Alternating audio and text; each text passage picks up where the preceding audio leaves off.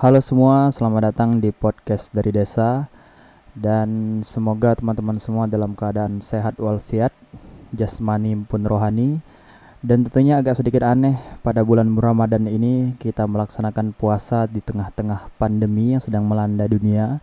Dan semoga saja secepatnya pandemi ini akan segera berakhir dan kita semua dapat melaksanakan aktivitas kita seperti sedia kala.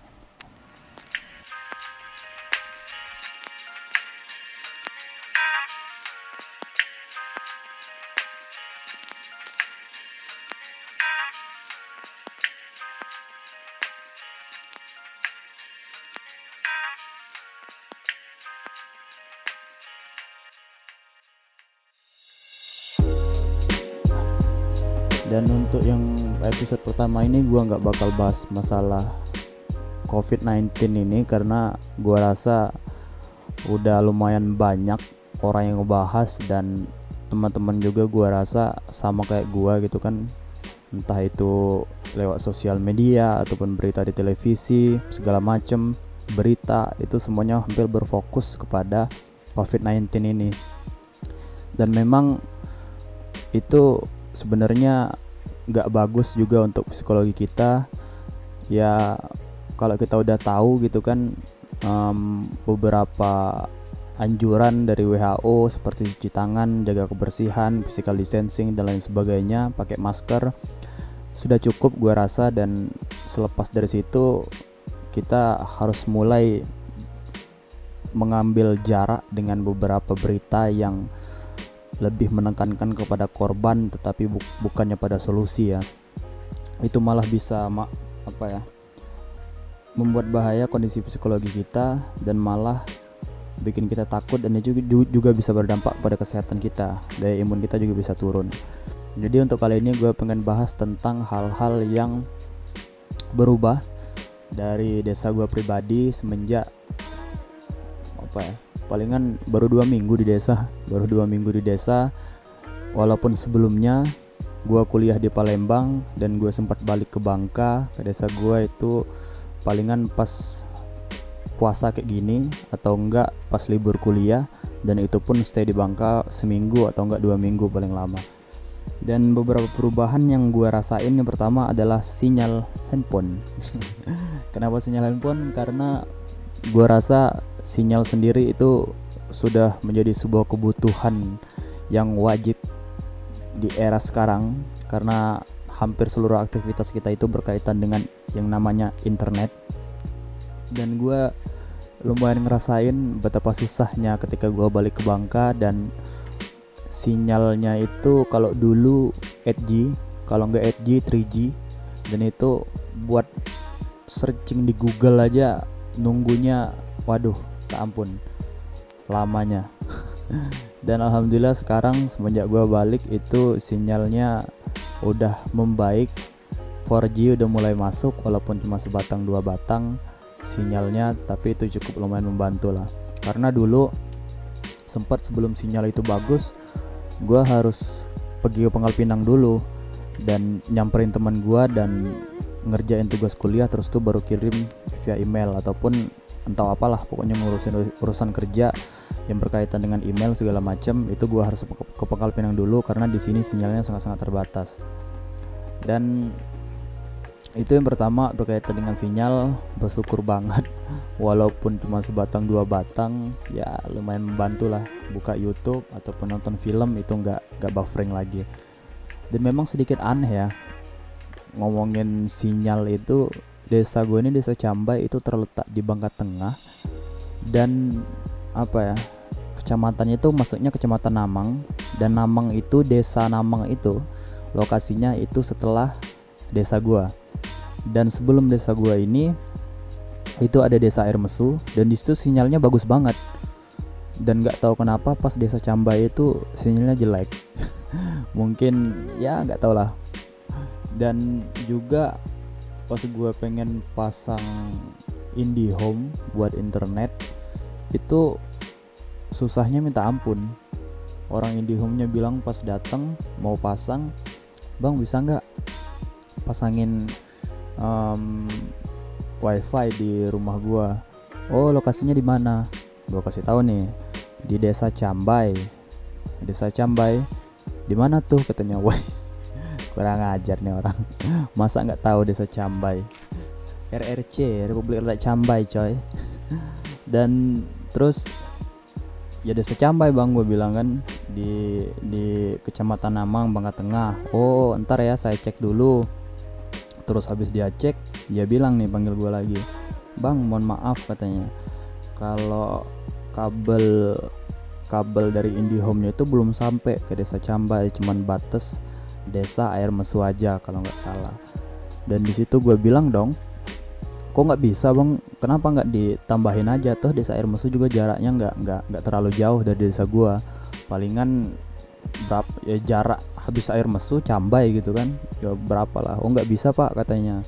Karena kabelnya itu juga butuh butuh apa ya butuh biaya untuk pihak IndiHome-nya. Jadi gue diminta cariin dulu minimal ada 10 orang yang pengen pasang wifi di desa Cambai baru mereka bisa ambil resiko buat nambahin panjang kabelnya itu sampai ke desa Cambai.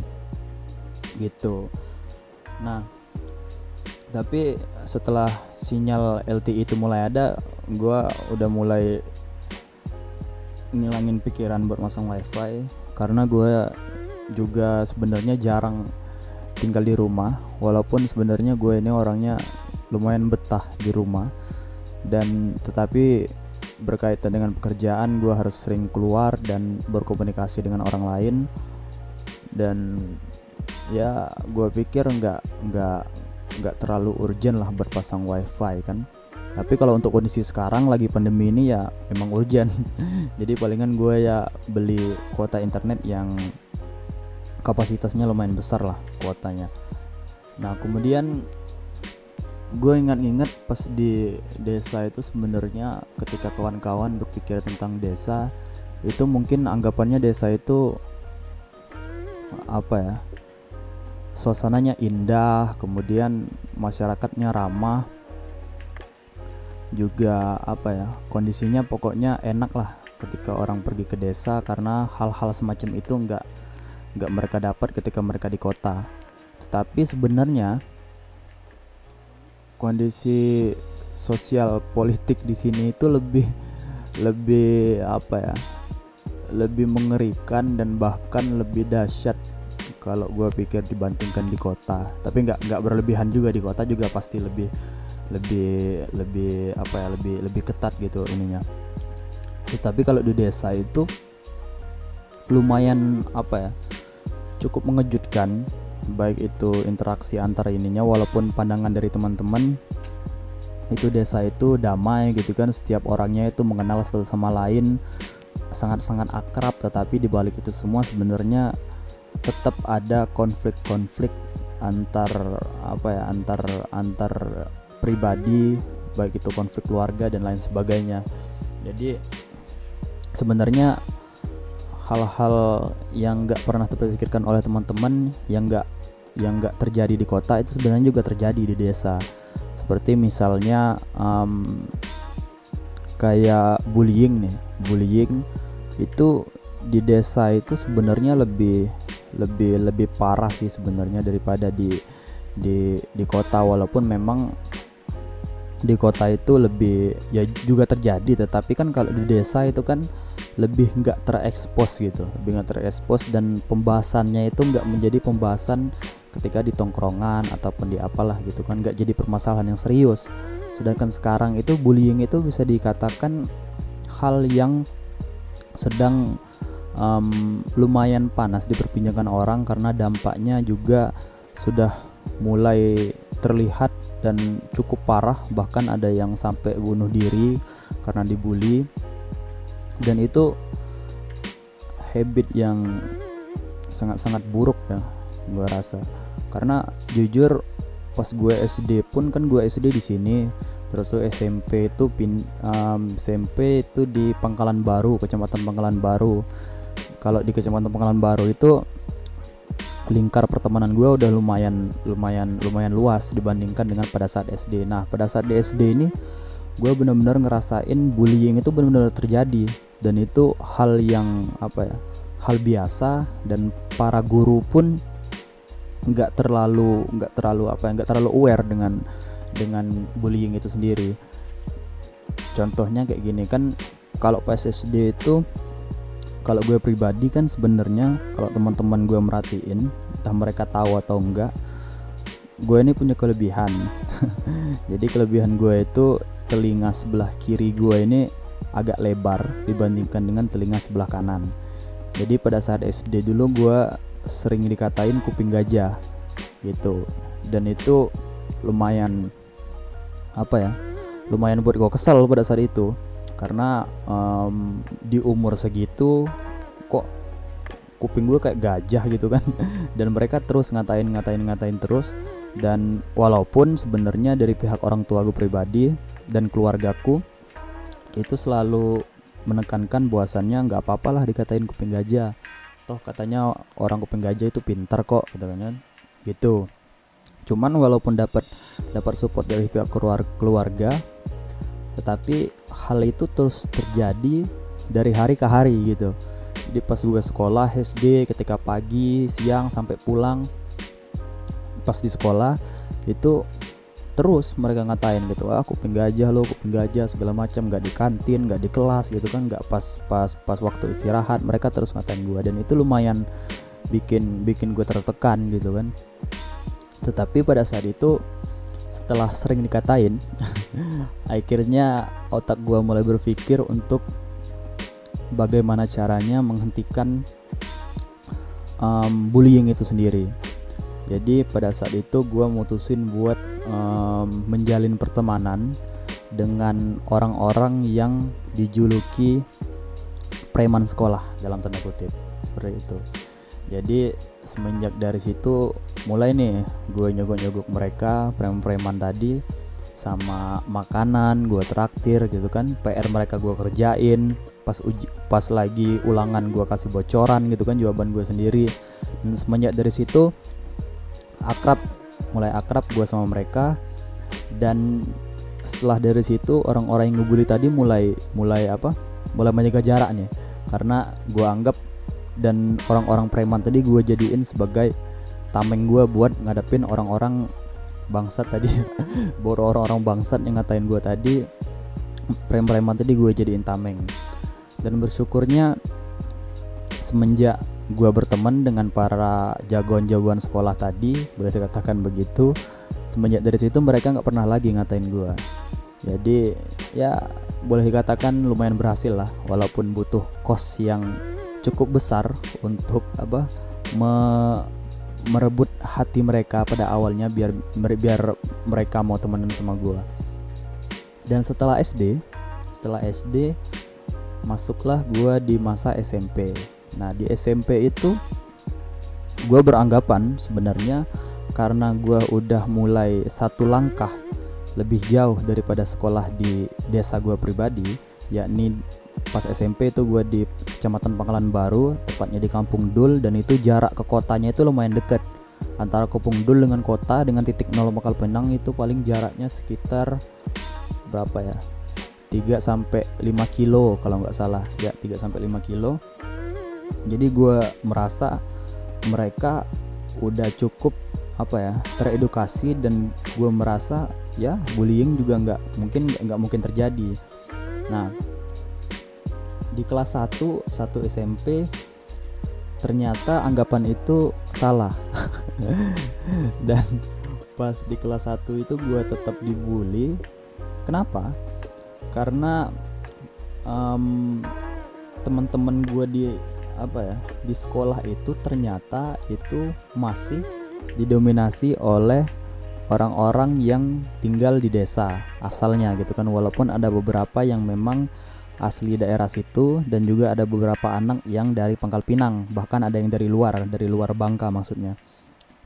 Tetapi bullying itu masih terjadi gitu. Dan pada akhirnya gue masih menerapkan strategi yang sama kayak gue lakuin pas SD teman-teman preman itu di sekolah itu gue apa gue gue jalin pertemanan sama mereka sama preman-preman di sekolah sama orang-orang yang cukup ditakuti di sekolah itu. Akhirnya gue jalin pertemanan sama mereka. Dan pada akhirnya gue um, di stop dan apa ber apa di, di apa tidak lagi dibully gitu tidak lagi dibully karena um, ya nggak tahu ya mereka takut mungkin ataupun segan.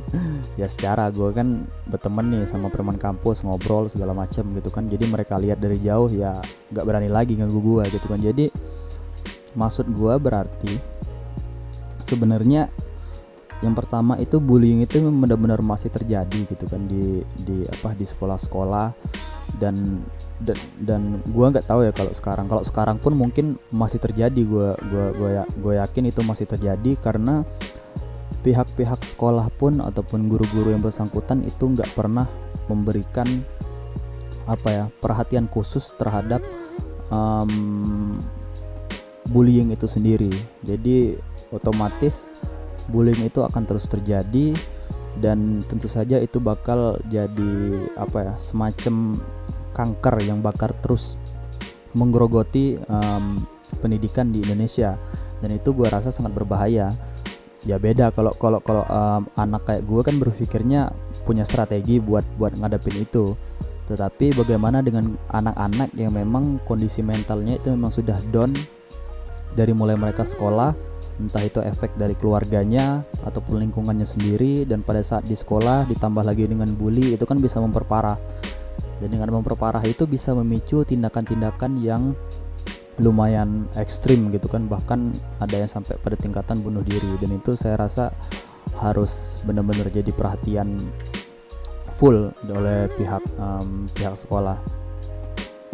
Nah terus um, selain daripada bullying sebenarnya um, ada beberapa hal yang um, cukup apa ya memprihatinkan yang terjadi di sekitar desa. Saya nggak tahu mungkin karena um, tingkat edukasi masyarakatnya itu memang benar-benar kurang.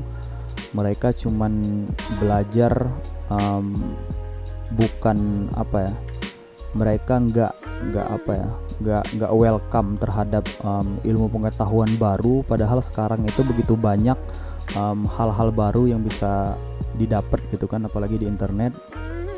Bisa banyak sekali dan seperti yang kawan ketahui bahwasanya ilmu pengetahuan itu terus terus terus terus bergulir. Dan itu nggak bakal pernah ada ujungnya.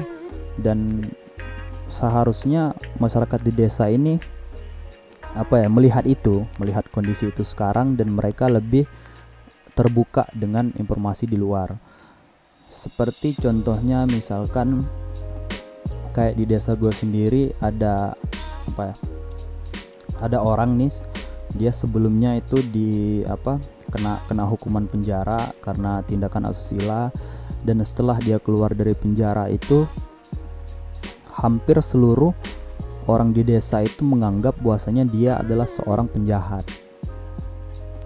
Padahal kan kalau kita berpikirnya dia sudah dihukum dan setelah dia keluar harusnya kita apa ya berikan support ataupun bantuan moral lah gitu kan. Biar dia nggak terjumus lagi gitu ke ke ke dunia itu. Tetapi di sini gue lihat malahan pas dia awal keluar dari penjara itu malah orang kayak natapnya sinis gitu kan. Sinis terus kayak apa ya dalam hati mereka berteriak ah lu penjahat lu penjahat penjahat gitu kan. Rasain lu gitu kan. Kayak kayak setelah di penjara nih. Setelah di penjara dia keluar terus walaupun dia nggak di penjara setelah apa telah lepas dari penjara ini tetapi dia masih terpenjara oleh stigma-stigma negatif oleh masyarakat ataupun lingkungan sekitarnya dan dan itu gua rasa lebih lebih parah sih daripada daripada penjara yang asli ya. Jadi di lingkungan ketika dia berada di lingkungan desa itu dia kehilangan teman kemudian um, bahkan dari pihak keluarganya pun nggak apa ya nggak terlalu mensupport gitu dia biar dia lebih apa lebih maju dan apa ya ya apa bisa bisa bisa menjalankan aktivitasnya sehari-hari gitu kan. Nah pas dia keluar dari penjara itu cuman pada saat itu gue ingat cuman gue yang yang apa ya yang berani gitu kan nggak tahu lah ya yang bonceng dia dan jalan bareng gitu ke kota. Dan orang-orang melihatnya itu sebagai hal yang aneh gue merasa gitu.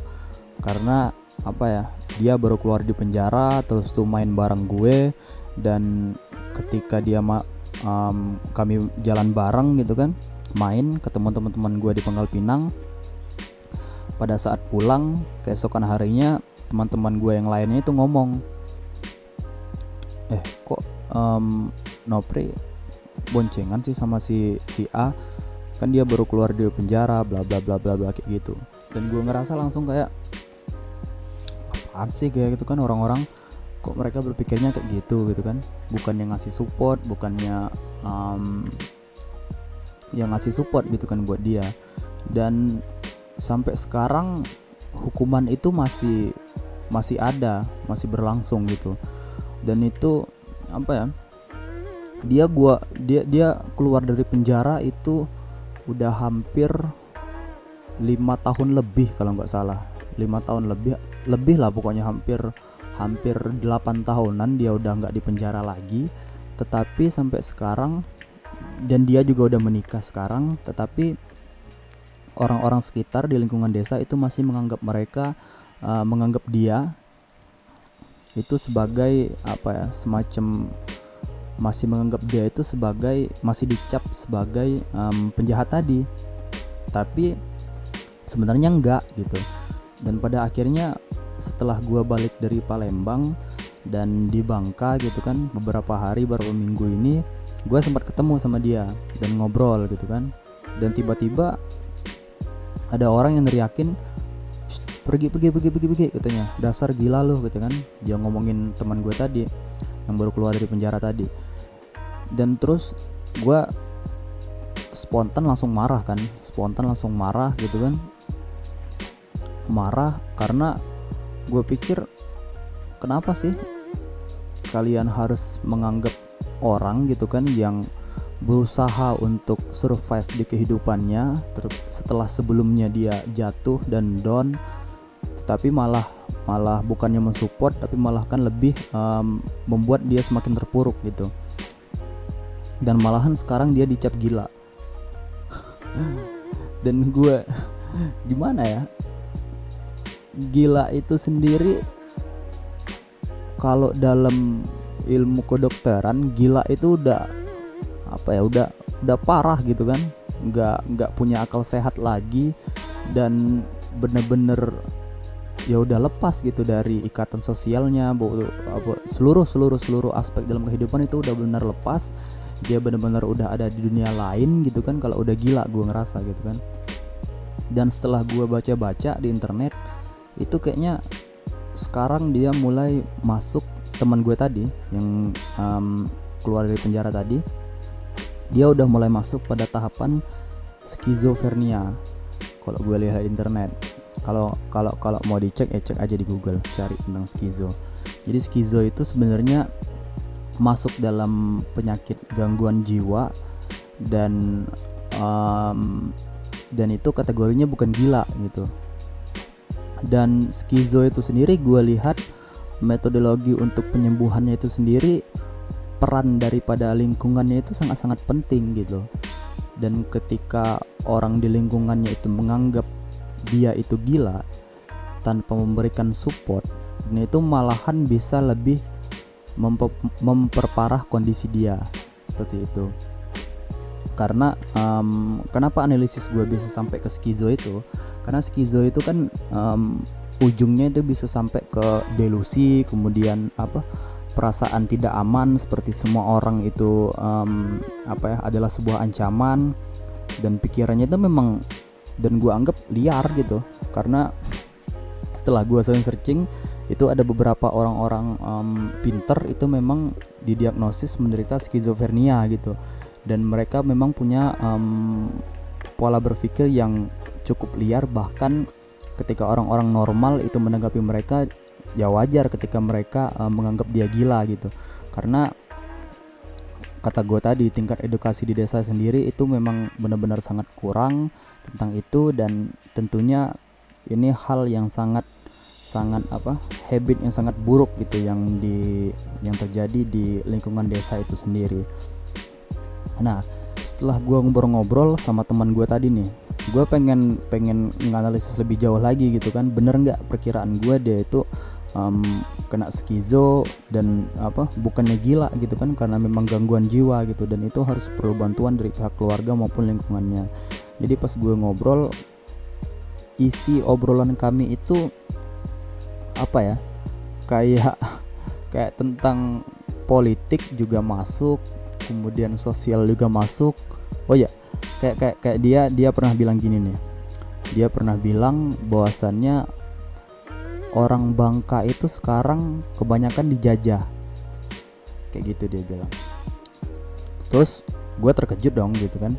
Ketika dia bilang orang Bangka terjajah terus gue nanya ke dia kenapa lo anggap um, orang Bangka itu banyak dijajah? gitu kan. Terus dia jawab ya lihat aja sendiri mereka orang Bangka sekarang banyak um, yang jual tanah kemudian um, hidupnya semakin susah.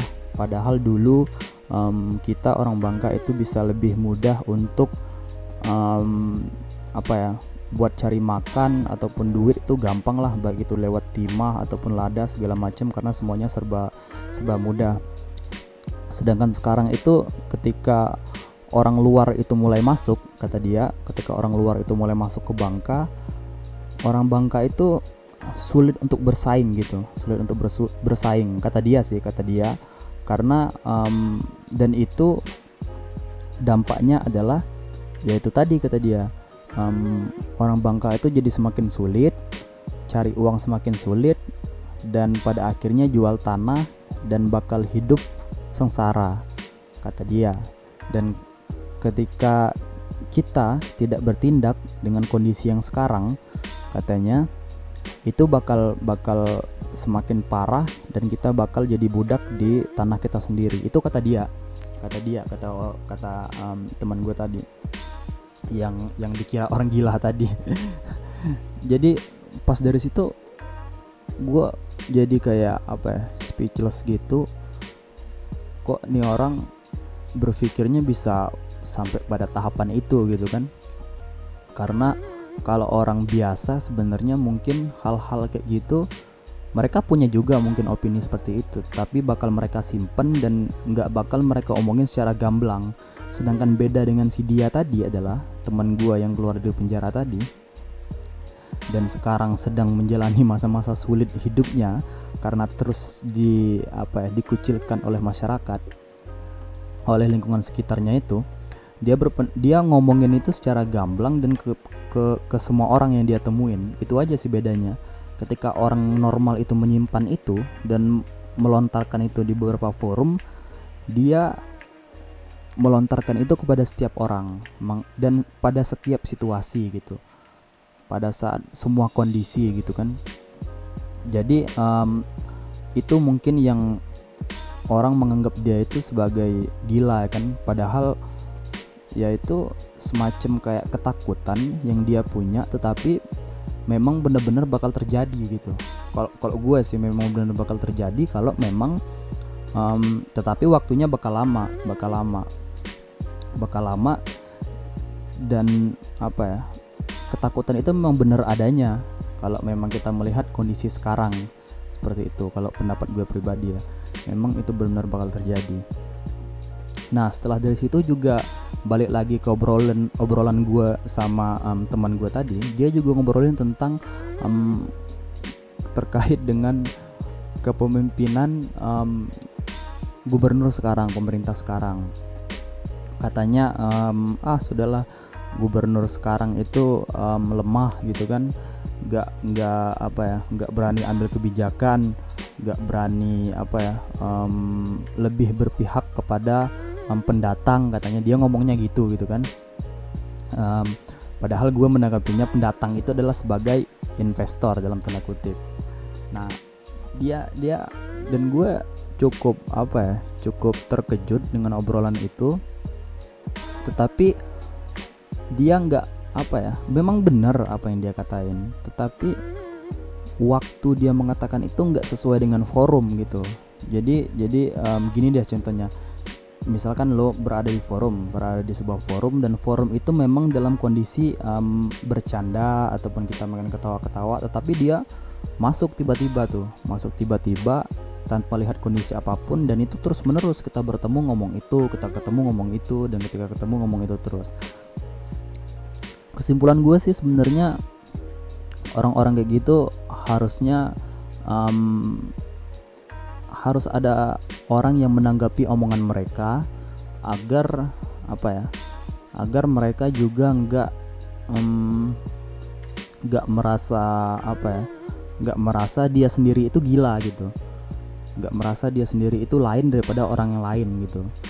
Nah dan itu ketika gue baca memang benar gitu. Orang-orang seperti itu memang harus ada orang yang menanggapi dan um, mencoba untuk apa ya um, semacam kayak menetralisirkan omongan dia itu supaya lebih masuk akal seperti itu. Jadi biar dia nggak ngerasa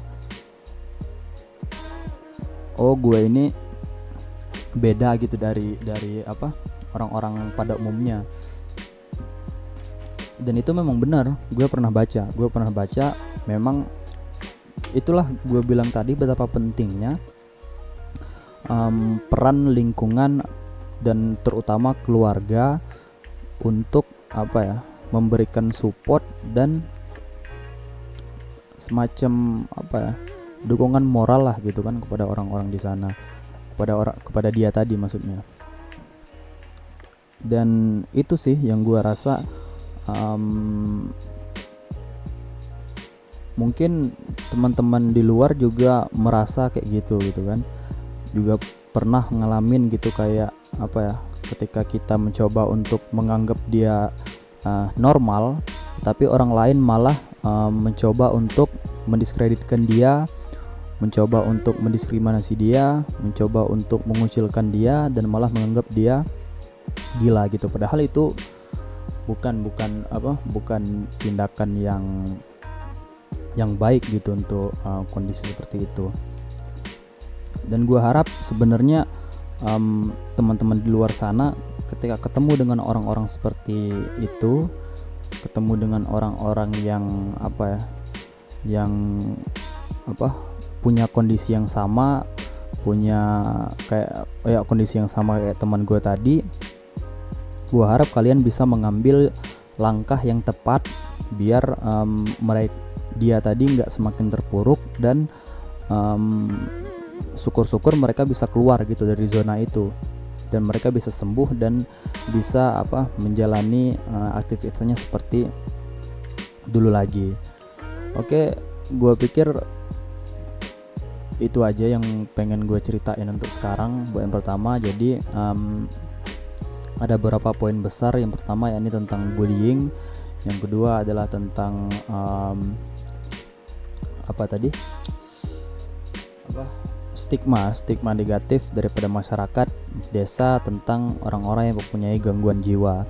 Dan semoga saja teman-teman sehat selalu dan um, tetap jaga kesehatan. Semoga saja puasanya lancar dan kita juga terus berdoa dan melakukan apa yang kita bisa supaya pandemi COVID-19 ini bisa segera um, dihilangkan dari bumi tercinta ini dan semoga saja vaksinnya yang sedang sedang dikerjakan sekarang dan sedang dalam proses pengujian itu bisa um, lebih cepat untuk diterima um, oleh masyarakat hingga ke tingkat apa.